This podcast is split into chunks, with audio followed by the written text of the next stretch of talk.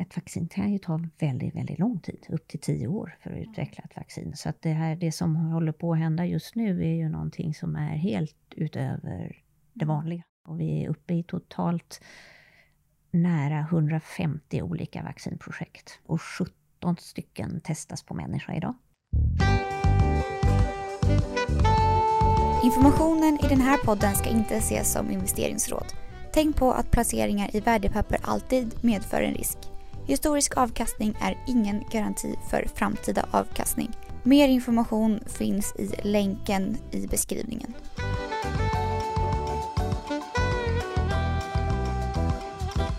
Välkomna till Paretos sommarpodd. Idag sitter jag med Astrid Samuelsson som är förvaltare på Handelsbanken Fonder. Välkommen Astrid. Tack så mycket. Du förvaltar fonden Handelsbanken Hälsovård Tema och du förvaltar 10 miljarder kronor. Mm, stämmer bra. Ja. Du började som förvaltare där 2007. Mm. Hur stor var fonden då? Ja, den var ju betydligt mindre. Den var ju långt under en miljard, ungefär en halv miljard tror jag, på den tiden. Så att din fond har ju växt väldigt mycket. Vad skulle du säga har drivit den här uppgången i, i ditt förvaltade kapital? Eh, nej men, eh, det har ju varit ett väldigt stort intresse kring den här sektorn. Så det är väl liksom det stora egentligen. Och många bolag som har tuffat på bra. Men, eh, så det är nog en kombination av eh, en sektor där det händer mycket, eh, en hel del aktier som har funkat bra och ett stort intresse för att investera i, inom hälsovård. Och det fortsätter ju att vara ett väldigt stort intresse att investera i den här sektorn. Hur ser sektorn ut just nu? Ja, men just nu så börjar vi, ja, vi är liksom i, i, inte slutet av corona skulle jag inte säga, men det är inte bara fokus på corona längre. Från att under några månader i stort sett bara har varit fokus på det. Så att det börjar ju smyga in sig lite andra faktorer också. När man tänker liksom, eh, sätter, gör en någon temperaturmätare så att vi börjar ju fundera på Q2-rapporterna. Eh, hur ska de se ut? Eh, vi har amerikanska valet. Eh, har... Är Q2-rapporter viktiga för läkemedelsbolaget? Det känns som att det är viktigare att få data från en studie. Men man vill ju helst ha liksom check på båda två. Eh, det ska ju, alltså, åtminstone för de lite mogna bolagen så ska det ju liksom funka här och nu också, gärna. Eh, och inte minst för de som kanske lanserar något nytt läkemedel eller så. Eh, så att då är ju absolut rapporterna viktiga eh, ändå. Och här är det ju lite speciellt just nu då i coronatider eftersom Q1-rapporterna var så ovanligt starka. Eh, för vi hade den här coronaeffekten med att många patienter så att säga, de, de hamstrade läkemedel i början utav epidemin, eller pandemin, eh, för att vara säkra på att ha tillgång till det. Och då får vi så att säga en, liksom, pendeln slår tillbaka. Ehm, för då blir liksom lite lägre receptförskrivning har det varit. Så att Q2 kommer väl vara det tuffaste kvartalet för flera läkemedelsbolag. Ehm, och, och andra effekten är sådana läkemedel som man måste ge på sjukhus har också varit lite svårare att ge under, alltså under Q2. Så ja, där har vi ju aprilmånaden som var tuff. Eh, kanske all, halva maj också. Sen börjar det liksom lite långsamt återgå till det normala eh, för den typen av läkemedel. Och det är sånt som man ger på sjukhus inte minst. Det finns lite olika typer av sådana läkemedel. En del inom cancerområdet, en del inom eh, ögonområdet ehm, hör vi det. Till exempel Roche har pratat om att liksom, hallå, obs att Q2 är lite, lite värre än Ja, vanligt. men de flesta bolag har väl ändå flaggat för det. Skulle du säga att eh, förväntningarna är rätt låga inför Q2-rapporten? Ja, jag, eller jag hoppas det i alla fall. Det, det har varit ganska stor diskussion om det den senaste veckan. Det har smugits in i, i diskussionen de senaste veckorna skulle jag säga. Så att jag tror att fler och fler i alla fall blir medvetna om det. Så att sen får man ju bara hoppas. Ibland prisar man in saker flera gånger. Men jag skulle nog säga att det, det vore konstigt om man inte kände till det här i alla fall. Mm. Och vi ska komma in lite mer på corona och coronavaccin längre fram. Men jag tänkte, du nämnde lite kort USA där också. Vi har ett presidentval i höst. Är det viktigt för sektorn? Det är alltid viktigt för sektorn. Det är ju liksom ständigt det här med politik ligger där och surrar i liksom bakgrunden. Och eh, man kan säga att ett normalt eh, presidentvalsår så ska man ju liksom inte äga Pharma. Men, Varför inte? Nej, men det är ju alltid, liksom, det kommer alltid upp mer förslag om det här. Ska det göras prisreformer på läkemedel, några andra reformer? Det är liksom, och särskilt om det börjar luta åt att det är mer demo, liksom att Demokraterna kanske kan ta kliv framåt, som det ser ut just nu. Mm. Um, men uh, man kan nog säga att det här med Corona faktiskt har ändrat saker och ting där också. Um, har man kanske, fått ett större fokus på sektorn eller varför har det uh, Ja men det är väl så att sektorn har blivit lite sådär, fått lite hjältestatus. Jag ska inte mm. överdriva det men mm. liksom, det är inte riktigt just nu som man ger sig på läkemedelsbolagen fullt ut, som man brukar göra. Är Demokraterna annars ja. negativt inställda mot läkemedelsbranschen? Annars är det typiskt, så att säga, om man bara gör de breda penseldragen, så är alltid liksom, Republikanerna är lite mer vän med mm. liksom, large corporates och, och, inte minst stora läkemedelsbolag. Och Demokraterna tenderar att liksom införa, gärna införa mer eh, liksom reformer, om det är liksom på hälsovårdssidan eller läkemedelspriser. Ehm, just när det gäller läkemedelspriser kanske det finns i alla fall möjlighet till större enighet. För det, finns, det är en ganska tacksam valfråga. För många mm. amerikaner så är ju det här en hög utgift, det de måste betala själva för ett läkemedel. Och då eh, så är det tacksamt som politiker att komma med ett sådant förslag. Sen i slutändan så brukar de ha otroligt svårt att komma överens. Så det är därför det hittills aldrig blir något. Mm. Att, eh, vad, vad finns det för eh, politiska inspel i branschen? Det är skattereformer, hur, hur, slår, hur slår det? Ja, nej, men det, det, är ju den andra, så att säga, också förslag från Demokraternas sida. Mm. Men att, så att säga, ta tillbaks en del av den skattereform som genomförts under Trump-perioden. Mm. Um, och uh, det är ju såklart att um, det här var ju flera läkemedelsbolag som gynnades av att man sänkte den, USAs skattesats ganska rejält. Och mm. där vill ju Biden åtminstone liksom ta tillbaks det. Um, sen får vi se, det är ju samma sak det här. Det är ju inte kanske... ibland är det lättare att säga att man vill göra en reform än att faktiskt genomföra det i slutändan. Mm. Eh, USA kommer ju från en väldigt hög skattesats jämfört med andra liksom, motsvarande länder. Um, och nu är väl de kanske liksom mer i så att säga medel... Ja, uh, nu sticker de inte ut, men uh, så att det är klart, vi får mm. väl se om de verkligen skulle vilja genomföra det. Men det är ju något som slår på alla möjliga alla sektorer, så att säga. Ja. Så det är inte bara läkemedel. Såklart. I Sverige har vi ju eh, subventionerade mm, ja, men, läkemedel. Har man det i USA också? Ja, I USA är det ju mycket mer komplext system med privata aktörer också, eller privata försäkringsbolag. Och sen så har vi det här med Medicare för pensionärer och Medicaid för de som lite, inte tjänar så mycket pengar. Så det, det finns de här så att säga, statliga systemen och så finns det de privata systemen. Så att, um, men jämfört med Sverige så betalar man ju typ ett sätt mycket mer som, mm. privat, som patient. Um, och det gör ju att de här frågorna är väldigt stora liksom, från Ja. Mm. Och att de slår hårdare? De, de slår hårt och, och, det är ett stort fokus för politikerna, så är det absolut. Så, mm. så om, om, det vanligtvis brukar hända mycket i din sektor så händer det extra mycket i år med corona, vaccin och presidentval. Absolut. Nej, men det är, ja, det har väl aldrig varit så mycket att fundera på faktiskt, som under det här året. Så det, det, ja, det har varit händelserikt.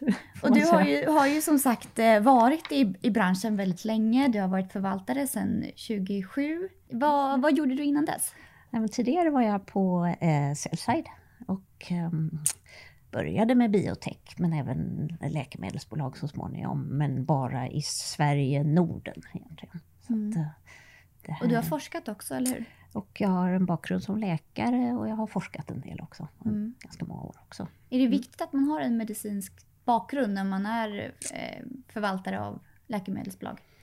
Så jag tror att man kan komma in på det här eh, på många vägar. Eh, och det ser man ju också de som är analytiker i branschen. De har alla möjliga bakgrunder och kan vara otroligt duktiga oavsett om de har Men det är ett mm. sätt i alla fall Eh, och det är en viss trygghet att man åtminstone liksom vet vad det är för sjukdomar vi talar om och har sett lite grann hur det fungerar på sjukhus och sådär. Men eh, det är inte det enda sättet, absolut inte.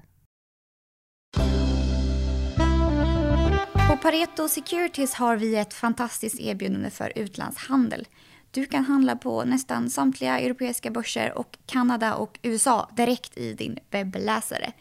Det gör man förslagsvis på ett ISK med valutakonto som gör att du slipper dyra växlingsavgifter som oftast brukar vara flera gånger högre än själva courtaget. Det här slipper du alltså hos oss på Pareto om du har ett ISK med valutakonto. För den mer avancerade handlaren erbjuder vi även tillgång till för och efterhandeln i USA, stopp loss orderläggning samt möjligheter att gå kort aktier globalt.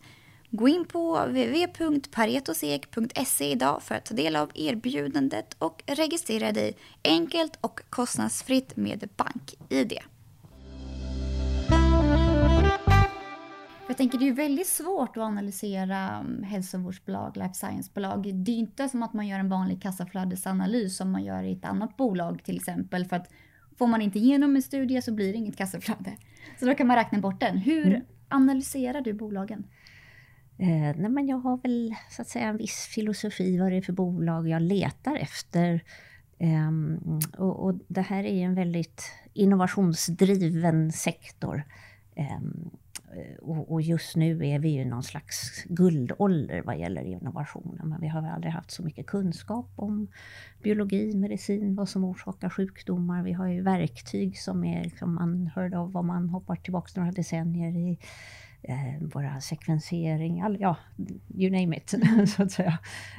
Um, så att det är ju verkligen, eh, det är där jag letar till att mm. börja med. Liksom, vad är, vilka områden är det så att säga, intressanta där det både finns medicinska behov och där det händer mycket. Så det är liksom min väg för att hitta bolag egentligen. Mm. Um, så ja, det är väldigt mycket liksom där jag startar um, vilka områden som jag tycker är, är, intressanta och sen så det är den vägen som tar mig till bolag. Och sen kommer ju absolut värdering med i bilden, men man mm. måste ju först ha projekt och produkter och läkemedel som är relevanta och har en bra innovationshöjd. Det är ju nog min starkaste filosofi i just det här klimatet. Inte minst med tanke på hela den här politiska backdrop som vi har. Med ändå en press på liksom, staters budget så vill man ju bara betala för någonting som verkligen gör nytta. Antingen att det liksom ger bättre överlevnad eller bättre livskvalitet för patienter. Verkligen gör stor skillnad. Så det räcker inte bara med att det är en bra forskning bakom eller att det är en bra utveckling bakom. Det måste även finnas ett medicinskt behov så att pengarna kommer dit också. Ja, nej, men det ska ju ändå finnas en så att säga, kund, även om det inte är mm. patienten som betalar det mesta. Men, eh, så det är ju det absolut viktigaste. När man efterfrågan och eller medicinska behovet och så att det, här är, att det är en produkt som verkligen gör stor skillnad. Så då tror jag man också står emot all den här så att säga, politiska blåsten mm. som av och till dyker upp. För det är först då du kan ta betalt för ett läkemedel om det verkligen är någonting som ja, spelar roll i, i patienters liv. Så jag tror att det är där, där mm. måste man börja. Och vill du se att bolaget befinner sig i någon speciell fas när du investerar? Man pratar ju mycket om fas 1, fas 2, fas ja, 2B. Ja, men jag är nog eh, allätare. Det ja. kan vara finnas absolut intressanta bolag i alla möjliga faser. Så det, jag, har inte, jag har att inte ha så mycket regler liksom, för att äh, ja, eh, begränsa mig. Utan, det är ju väldigt mycket liksom, de forskningsfält som är intressanta som Ehm, styr just vad gäller läkemedelsbolagen. Sen finns det ju mycket mer inom hälsovårdssektorn än rena läkemedelsbolag. Mm. Eh, är det som, viktigt att man har någon, en, en forskningsportfölj eller att man har en, en bred pipeline, tycker du? Eller räcker det med en eh, bra grej? Ja, jag säga, då är vi ju mer inne i de här lite mindre biotechbolagen. Mm. Stora läkemedelsbolag har ju typiskt sett breda portföljer. Liksom. Mm, så Astra ja, och ja, Roche. Eh, men det är klart, där är det ju så att säga bra att de har fler, liksom, mycket att stå på, mycket som ska hända.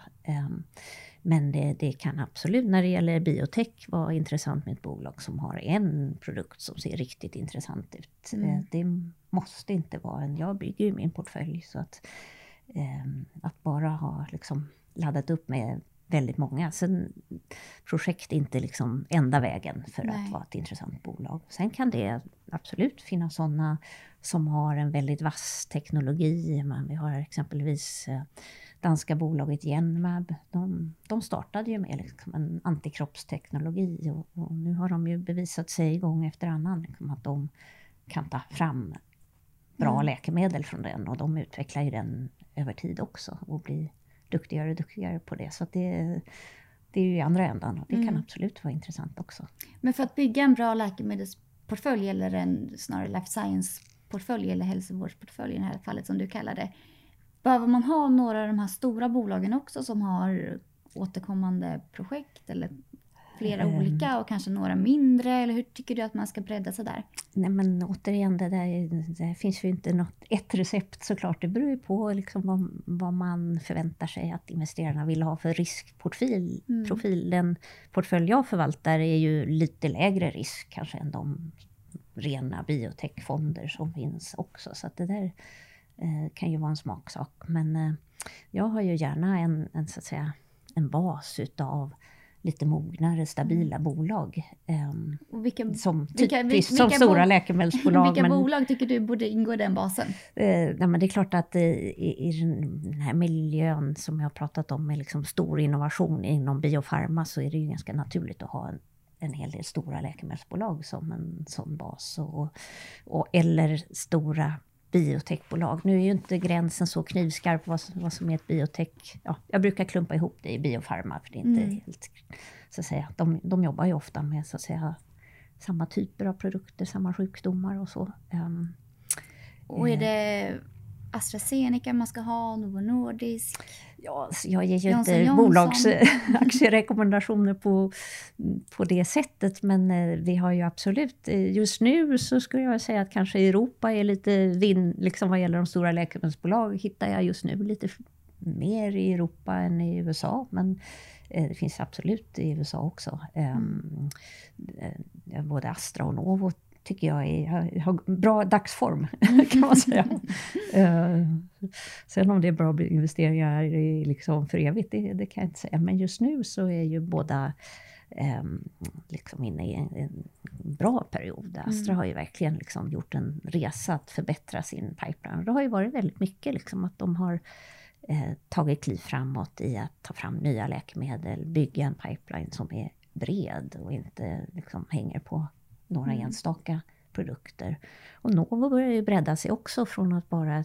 Just nu, det är ju absolut mest ett rent diabetesläkemedelsbolag. Men eh, vi ser ju nu att de ska ju liksom... Ett, första steg är ju att behandla övervikt och fetma. Mm. De vill in inom hjärt-kärlområdet. Ehm, de vill in även behandla den här, liksom det som man kallar för metabola syndromet. Det, det här med övervikt och fetma mm. leder till en massa komplikationer. Um, för du sa att, att, det är viktigt att det finns ett medicinskt behov och där ser vi väl verkligen ett stort ja, behov? Um, det är det. Nu är just övervikt och fetma är ett väldigt speciellt område för där um, är ju problem, det, det är ju inte en sjukdom i sig så att säga men det är ju kopplat till hög risk att få en massa andra mm. bekymmer. Det är ett folkhälsoproblem. Um, ja, så där har ju någon uppgift att, så att säga, visa att deras läkemedel, kanske och sådana studier gör de att de faktiskt kan minska risken att få hjärt-kärlsjukdom, um, bland annat. Mm. Eller andra komplikationer. Um, och, ja, så det är en resa att försöka att etablera dem som riktiga läkemedel och inte bara så att säga, livsstilsprodukter utan att det är mm. ett medicinskt tillstånd. Men det ser bra ut så här långt i alla fall. Mm. Vad finns det annars för stora teman? Cancer är ju alltid, som sagt, där är ju behov, medicinska behoven, de är ju fortfarande, även om det har kommit bättre um, läkemedel, så är det ju fortfarande så att ta spridd cancer är ju eh, en väldigt mm. tuff situation och de läkemedel som står till buds hjälper, men det är ju ingen bot för de allra flesta ändå. Ehm, så det är absolut ett område där kanske vi för först liksom börjar se att det kan komma nya principer för vi har ju de här PD1, PDL som har, är ju en otroligt stor marknad och alltså vi talar 20-30 miljarder dollar i försäljning redan. Ehm, men det har varit ganska trögt att få fram nya sådana verkningsmekanismer. Men eh, kanske börjar det komma. mm. eh, lite nytt på den fronten. Vilka bolag har de bästa cancerläkemedlen? Oj, ja det är svårt att peka ut det, men det är svårt att gå förbi Roche å andra sidan. Mm. Eh, de är ju väldigt, väldigt duktiga på det här området. De ser ut ändå att kunna ha något som kanske kan bli eh, första på länge som man kan addera till de här PD1, PDL1. Eh, och det heter TIGIT, den mm. Principen. Men eh, det är en bit kvar innan de är färdiga. De, kan, de, ska in, de har startat fas 3-studier. Eh, så lite upp till bevis, men det ser ganska lovande ut. Ändå. Vad finns det annars för bolag som forskar mot cancer? Eh, ja, men det är väldigt många. AstraZeneca är ju där också. Bristol Myers Squibb, alltså det är väldigt många. Vi har um, eh, japanska bolag som är väldigt duktiga. Daiichi Sankyo är ett sånt bolag som är väldigt duktiga. Och sen så en hel mängd med små bolag också. Mm. Både, framförallt i USA såklart. Men vi har några eh, svenska också eller? Vi har absolut några svenska som är också spännande. Um, Cantargia är ett sånt till mm. exempel. Bioinvent? Uh, Bioinvent är en ganska intressant fas just nu. De har ju hållit på väldigt, väldigt länge. Um, så det vore roligt om de kunde börja leverera lite dat liksom kliniska data så man kanske kan få mm. uh, lite mer stöd för att det fungerar. Men de, de har mycket på gång, men jag skulle gärna vilja se lite data mm. också. När du tittar på just eh, bolag som jobbar mot cancer, vad vill du se i de bolagen? Eh, ja, men att det är en eh, gärna en unik verkningsmekanism som verkar rimlig. Sen är det ju problem det där med att om man bara har de här djurstudier, det är ju svår, svårbedömt egentligen bara på grund av det. Um, man brukar ju säga att det är lättare att bota möss än människor mm. tyvärr. Mm. att, eh, Men det testas väl eh, mycket på människor också? Eh, så småningom så går de ju in i klinik också. Så det är mm. klart, det, man känner sig alltid... Liksom, det är först när man har sett kliniska data från patienter som man kan börja känna sig åtminstone lite, lite trygg. Men det är ett tufft, svårt område det här med särskilt immunterapi. För Eh, vi, det är därför det har varit så trögt, för det har varit ganska många bakslag där det har sett lovande ut tidigt och sen så har man gjort större studier och så har det inte fungerat. Så man, får vara, man måste ändå vara medveten, det är hög risk i den här typen av projekt och man får mm. inte liksom, tro att allt ska fungera, det kommer det inte göra. Är det svårt för mindre bolag att få sina läkemedel kliniskt provade? Vill patienter hellre ha något större bolag? Eh, alltså det kan jag nog inte säga. Det gäller ju liksom att få någon bra kliniker med på mm. tåget, mm. så att säga, som talar för, för varan, så att säga. Um, men jag tycker nog att det, det verkar vara ett stort intresse från cancerpatienters sida att prova nya. Det är ju det bästa sättet att få tillgång till det allra senaste. Ofta gör man ju de här studierna att man lägger till de här nya läkemedlen till en behandling som redan är godkänd. Så att du, mm. du har ganska lite att förlora som cancerpatient att faktiskt vara med i en sån här klinisk studie. För du får så att säga det beprövade och så får du lägga till något som kanske kan ha bättre effekt. Så det, jag tycker det verkar väldigt rimligt. Sen är det ju svårt som patient att ha en väldigt stark uppfattning om om det här är Mm. Något som är troligt. Det finns i alla fall ingen stark motvilja i att testa Nej, det är inte så jag upplever alls eller mm. hör. Däremot så har det ju nu, vi är tillbaka till coronatider, varit ganska svårt att bedriva kliniska studier. Framförallt mm. de här tidiga um, och även inom onkologi. Man kan tycka att cancer är ett så viktigt område men um, det, det har helt klart varit lite mm. mer problem att få in patienter i de här studierna. Lättare om du har haft en studie som är lite sen fas, du har haft många patienter redan rekryterade, de har rullat på men inte sällan har de fått pausa rekryteringen i de här lite tidigare studierna. Det hör vi från väldigt, väldigt många bolag. Nu börjar det liksom tuffa på igen. Men, mm. Vi kan väl beröra coronaämnet då lite djupare när vi ändå är där. För du sa att ja, men många läkemedelsbolag har ju påverkats. Några positivt med att folk bunkrar läkemedel. Mm. Andra negativt för att kliniska studier ställs in. Hur har det slagit mot bolagen? Ja, men I stort sett så har ju alltså läkemedelssektorn har ju varit defensiv i den här perioden. De allra flesta eh, har ju kunnat hålla kvar sin guidance för 2020. Så det, det skiljer ju ut den här mm. sektorn jämfört med om man behöver bara gå till medtech så är det ju betydligt mer knep, liksom, mm. Eh, svårare för dem att, att förutspå vad, vad året ska landa någonstans. Men eh, för läkemedelsbolag, ja, typ som Roche, så, så kommer de nog i slutändan leverera ungefär det de sagt, sa i början på året. Däremot så kommer det vara kanske drivet av inte det de hade riktigt tänkt sig från början. För det som i Roche-fallet så har de ju haft vissa läkemedel har varit lite svårare att ge så att de kommer absolut vara negativ påverkan. Um, men sen i andra ändan så har Roche haft um, de har ju gjort väldigt mycket av de här uh, coronatesterna mm. uh, också. Både PCR-tester för virusdiagnostik men även antikroppstester. Så där har de ju haft lite plus istället. Mm. det finns ju många bolag som har kan man säga att de har gjort ett välgörenhet eller att de har skänkt saker? Har, har de bolagen, har Roche fått betalt för de här testerna eller gör Aha. de det av goodwill? Eh, nej men just testerna får de betalt för. Man ska nog eh, säga att just eh, PCR-testerna är nog det de, de är lite mer komplexa tester. Eh, där kommer de ju så att säga ha bättre intjäning än de här antikroppstesterna som är ganska basala. Liksom. Mm. Teknologin är inte så komplicerad. Um, så just där skulle jag säga att det är mer så att säga, en normal marknad. Um, när det gäller läkemedel, ja vi har ju inte så hemskt många exempel att gå på. Vi har ju egentligen bara ett läkemedel från Gilead. Mm. Uh, och de fick, eller prissatte det igår. Um, så där tror jag en kur ska kosta ja, lite över 2000 dollar om jag minns rätt.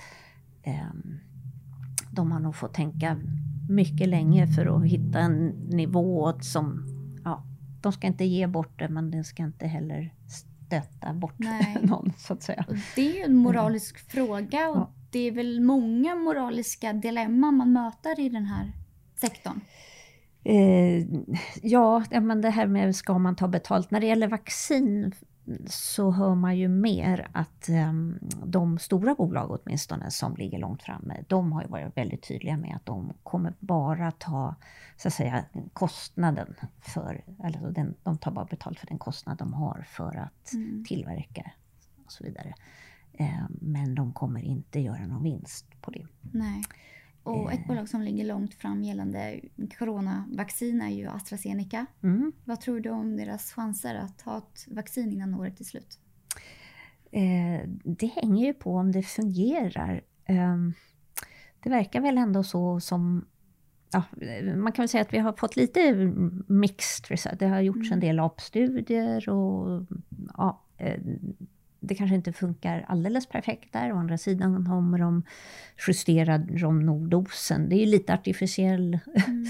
försök ändå. Så det, jag tycker det finns absolut en god chans. Det finns lite liksom det här att göra vaccin mot en sån här eh, luftvägsinfektion infektion har en del utmaningar. Eh, mm. De, kan, de här skyddande antikropparna är nog bättre för att skydda liksom själva lunginfektionen infektionen än kanske de övre luftvägarna. Mm. Och vad det sen kommer att ha för betydelse får vi väl se. Så det, um, vi har inte riktigt svaret. Uh, jag tenderar ju vara lite optimist så jag mm. hoppas ändå att det ska fungera. Och, och hittills är ju ändå tecknen just från AstraZeneca rätt så god. Just att de tar kliv framåt. Um, de har ju inte rapporterat några resultat från de allra tidigaste studierna men de har ju ändå liksom gått vidare till nästa fas. De har till och med, tror jag, startat en fas 3-studie nu i mm. Brasilien. Mm. De ska snart starta ytterligare fas 3-studier. Så det, det, indikerar ju ändå att de, det de har sett så här långt så ser Men de testar på människor nu? Ja, ja mm. absolut. Det har de gjort sen i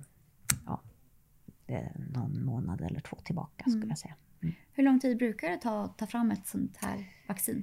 Ett vaccin kan ju ta väldigt, väldigt lång tid, upp till tio år för att ja. utveckla ett vaccin. Så att det, här, det som håller på att hända just nu är ju någonting som är helt utöver det mm. vanliga. Kommer det här revolutionera hela branschen? Tror du att man kan mycket snabbare ta fram vaccin? Jag tror att det här är en exceptionell situation. Dels hur många projekt vi har. Ehm, jag tittade faktiskt bara häromdagen och vi är uppe i totalt nära 150 olika vaccinprojekt. Oj. Och Astra ligger längst fram? Eh, och 17 stycken testas på människa idag. Mm. Ehm, och mm, alltså, längst fram, vi har dels AstraZeneca tillsammans med Oxford University, ska jag säga. Det här är inte AstraZeneca själva som har tagit fram från början, utan de har ett licensavtal med Oxford University. Um, och sen så är det Moderna som mm. från början låg allra längst fram och de är också precis på väg att starta fas 3-studier. Uh, och sen finns det kinesiska bolag mm. också som är, ligger långt framme, så det är väl de som ligger längst fram. Sen gäller det att ha, liksom, det ska fungera och sen ska man kunna tillverka tillräckligt mycket. Och även där har ju AstraZeneca varit eh, väldigt aktiva med att eh, göra samarbetsavtal för tillverkning. De tillverkar ju nu at risk, som man säger, utan att veta om det kommer fungera i slutändan. Så till, har de börjat tillverka doser. Så att, Hur lång tid tar det att ehm, tillverka? Eh, från max till limpa, jag är inte riktigt säker, men de, de säger att de kommer ha doser i år. Så ja. då kan man väl ha en uppfattning om att vi talar månader och inte mm. år i alla fall. Um, och det kommer spridas ut på flera tillverkare? Eh, ja, jag vet inte exakt vem som tillverkar de här allra första. Nu i år så kanske vi talar om ja, 50-100 miljoner doser. Men jag tror de har kontrakt nu för kanske 2 miljarder doser eller till och med lite mera. Eh, men det är klart, det kommer inte göras i år, allt det Nej. där. Eh, men, eh, men nästa år ehm, så ska det ju ta fart. Så det är bara att hålla tummarna att det fungerar också, som sagt. Vi har ju haft pandemier förut. Är det här i modern tid den värsta vi har haft? Det skulle jag nog säga. Um, förra sars och mers var ju, ja, det, det var ju, kan man ju nog inte säga var en riktig pandemi heller, men eh, de kunde man ju begränsa ändå. Mm. Eh, men det här får man nog säga är, är det värsta som vi har varit med om. Även när man tänker på hela liksom, samhällsfunktion, ja, hur, hur hela samhällena påverkas så är det ju annorlunda. Mm. Vi har ju, innan vi släpper corona, vi har ju en svensk eh, spelare, Vicor. Mm. Hur arbetar de mot corona? Eh, de har ju ett läkemedel ehm, som de egentligen utvecklar för en lungfibrossjukdom.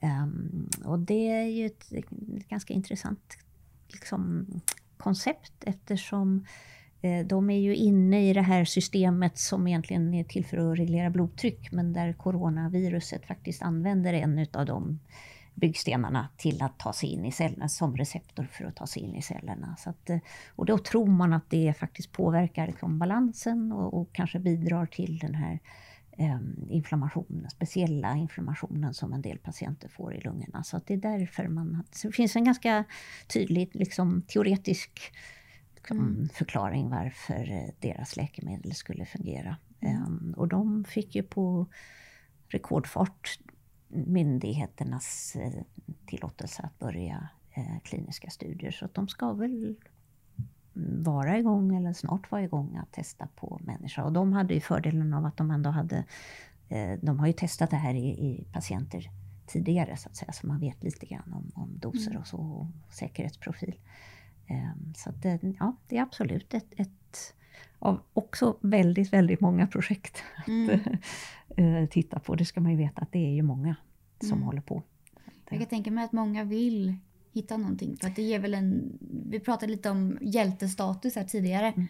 Om man väl hittar ett sånt här, man kommer ju bli ihågkommen för alltid. Det är väl extremt bra PR. Ja, jag tror att det verkligen, det finns väl ändå en, en känsla att alla vill hjälpa till. Och sen så har väl många vridit och vänt med det de har i portföljen. Och eftersom antiinflammatoriska läkemedel eller som påverkar vårt immunsystem. Det är ju en väldigt stor del av hela den här innovationen som jag pratade om tidigare. Förutom mm. onkologi så är det ett enormt stort fält. Så det gör ju att det finns väldigt, väldigt mycket, eller många läkemedel under utveckling, mm. eller som är godkända, som, har, ja, som teoretiskt skulle kunna ha en effekt. Mm. Men det får vi väl se. Mm. Först ut så är Roche igen ja. Eh, med ett eh, läkemedel som använder normalt sett inom reumatikerområdet. Ehm, får vi se, jag tycker det låter kanske Ja, från att ha varit väldigt hoppfulla så tycker jag de låter lite mera mm. måttligt hoppfulla senast jag lyssnade på dem. Men jag har flera kopplingar till lederna. Varför har det här en koppling till lederna? Eh, nej, det har inte direkt någon koppling till lederna utan det är ju mer att många av de här lä läkemedlen som man använder vid autoimmuna sjukdomar som till exempel reumatiska sjukdomar, det är ju, de går ju in och påverkar vårt immunsystem och det är ju det som så att säga löper amok under de här, de här patienterna som får svår mm. eh, sjukdom i lungorna. Mm. Eh, där är det ju immunsystemet som har liksom eh, gått loss lite för mycket. Mm. så, att säga. så att det gäller att bromsa det lite grann. Så att, eh, och då är det mm. samma mekanismer, okay. tror man, att mm. man skulle kunna ge sig på.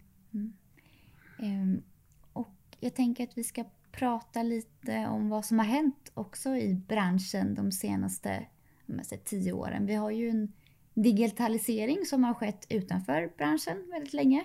Men nu börjar ske inom branschen också. Mm. Vad ser du för trender där? Eh, nej, men där har ju corona gjort en enorm skillnad också. Det är som att på bara ja, två, tre månader så tror jag att man kan säga att det har hoppat två, tre år framåt.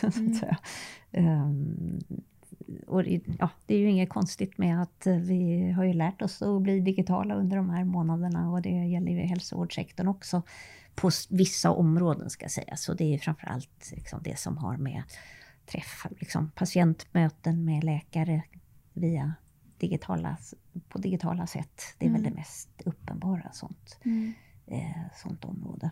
Eh, men det sker absolut väldigt mycket inom det området. Inte minst eh, själva läkemedelssektorn. Det är ju annars en...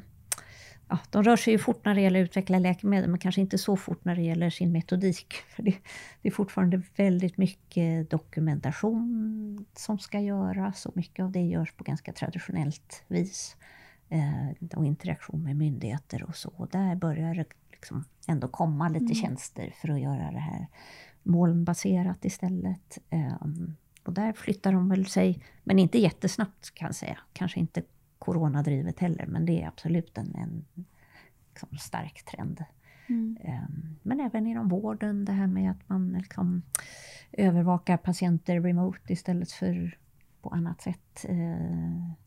Blodsockermätning, syrgasmätning. Det, det har verkligen varit en corona-effekt mm. faktiskt. Man mäter syresättning i blodet. Att man kan göra det remote istället för en apparat som är vid sängen. Det... Finns det några bolag du tycker är extra spännande inom digitalisering av sjukvård? Eh, nej, men de som håller på med just med läk mot eh, läkemedelssidan, där finns det ett stort amerikanskt bolag som heter Viva. De är eh, otroligt duktiga på det. De eh, började egentligen um, som en avknoppning till ett annat bolag som heter Salesforce. Så de hade, handlade ju mer om kundrelationer. Så det, det, ja, för bas, Salesforce har jag använt flera gånger. ja.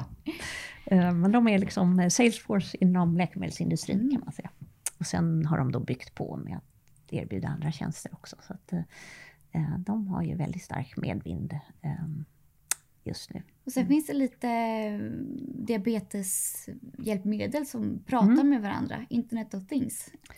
Ja, men, eller det är ju nya sätt, det är, vi är inne på det här med att mäta blodsocker eh, på smartare sätt. Eh, då har vi bolag som Dexcom till exempel. Eh, som är ju, och, sen, och Abbott har ju också en teknologi för, för samma sak, att istället för att sticka sig i fingret så kan man få mätpunkter mycket mer frekvent och det kan, du kan sen kommunicera både med telefon och kanske insulinpumpar och så småningom insulinpennor. Så det här blir som ett ekosystem mm. inom diabetes. Så det, det, är nog ett uppenbart område för liksom mer smarta digitala lösningar, absolut. Mm. Och Astrid, jag tänker vi ska avrunda med att prata lite om svensk biotech och medtech och egentligen hela hälsovårdssektorn? För vi är ju ganska bra i Sverige, eller hur? Eh, ja, ja men vi är ju små. Eh, tidigare så har ju bolag haft ganska liksom, lite tuffare med finansiering. Man, man får ändå säga att det, fördelen med USA är ju att det är, finns ju så otroligt mycket kapital. Mm. men det har blivit bättre där även i Sverige. Så det finns ändå ett liksom, bra grogrund för att ta in kapital. Och vi, vi ser ju bolag som faktiskt lyckas med att ta in ganska rejält. Alltså man behöver ju rejäla summor för att kunna utveckla läkemedel om du ska vara konkurrenskraftig också. För det här det är ju en stenhård konkurrens när mm. allting går så fort. Um, så där har Sverige blivit lite bättre. Uh, man ska ju veta att det är, samtidigt, det är som sagt tuff Mm. Tuff konkurrens från USA. Men tycker du att de har blivit bättre på att eh, attrahera utländska pengar? Ja, men de, eh, de får in svenska pengar, sen får de ju in utländska investerare också, fler och fler. Vi har ju exempelvis också Caliditas som gjorde en IPO mm. ganska nyligen i USA. Så att, eh, och fick, ja, det blev, var ju övertecknat också. Så att, eh, det är absolut en mycket bättre mm. miljö. Kommer vi se fler sådana här dubbelnoteringar tror du? Jag skulle inte säga att det är, jag, jag, kan inte säga att det är någon jättes, det är nog mer undantaget som bekräftar regeln, mm. att de flesta håller sig nog här skulle jag säga. Men eh, de hade väl några speciella skäl att de ville dit också. Mm. Mm. mm. Avslutningsvis, har du någon annan framtidsspaning du vill dela med dig av? In, ja, kanske inte något speciellt, men det är ju fortsatt, det är ju liksom eh, bara påminna om att det är innovation som driver den här sektorn och det är där mm. man ska titta om man ska leta sig fram. Ehm, så jag tror att vi kommer att ha att göra ganska många, eller många frågor framöver. Hur korrelerad är läkemedelssektorn med börsen i övrigt? Ja, men vi har ju sett nu att det, den är ju defensiv. Den, den har ju lite andra drivkrafter. Eh, sen är det ju inte så att den alltid står absolut tvärstill när du har liksom stora svängningar. Och det har ju varit klart högre volatilitet just nu under den här perioden än, mm. än tidigare. Men den, den tenderar kanske ändå att röra sig lite annorlunda eh, i många fall. Mm. Tack så mycket för att du ville komma och eh, prata lite läkemedels och hälsovårdsbolag i Paretos sommarpodd, Astrid Samuelsson. Tack så mycket. Informationen i den här podden ska inte ses som investeringsråd. Tänk på att placeringar i värdepapper alltid medför en risk. Historisk avkastning är ingen garanti för framtida avkastning. Mer information finns i länken i beskrivningen. Tack så mycket och ha en fortsatt skön sommar. Vi är tillbaka igen nästa onsdag.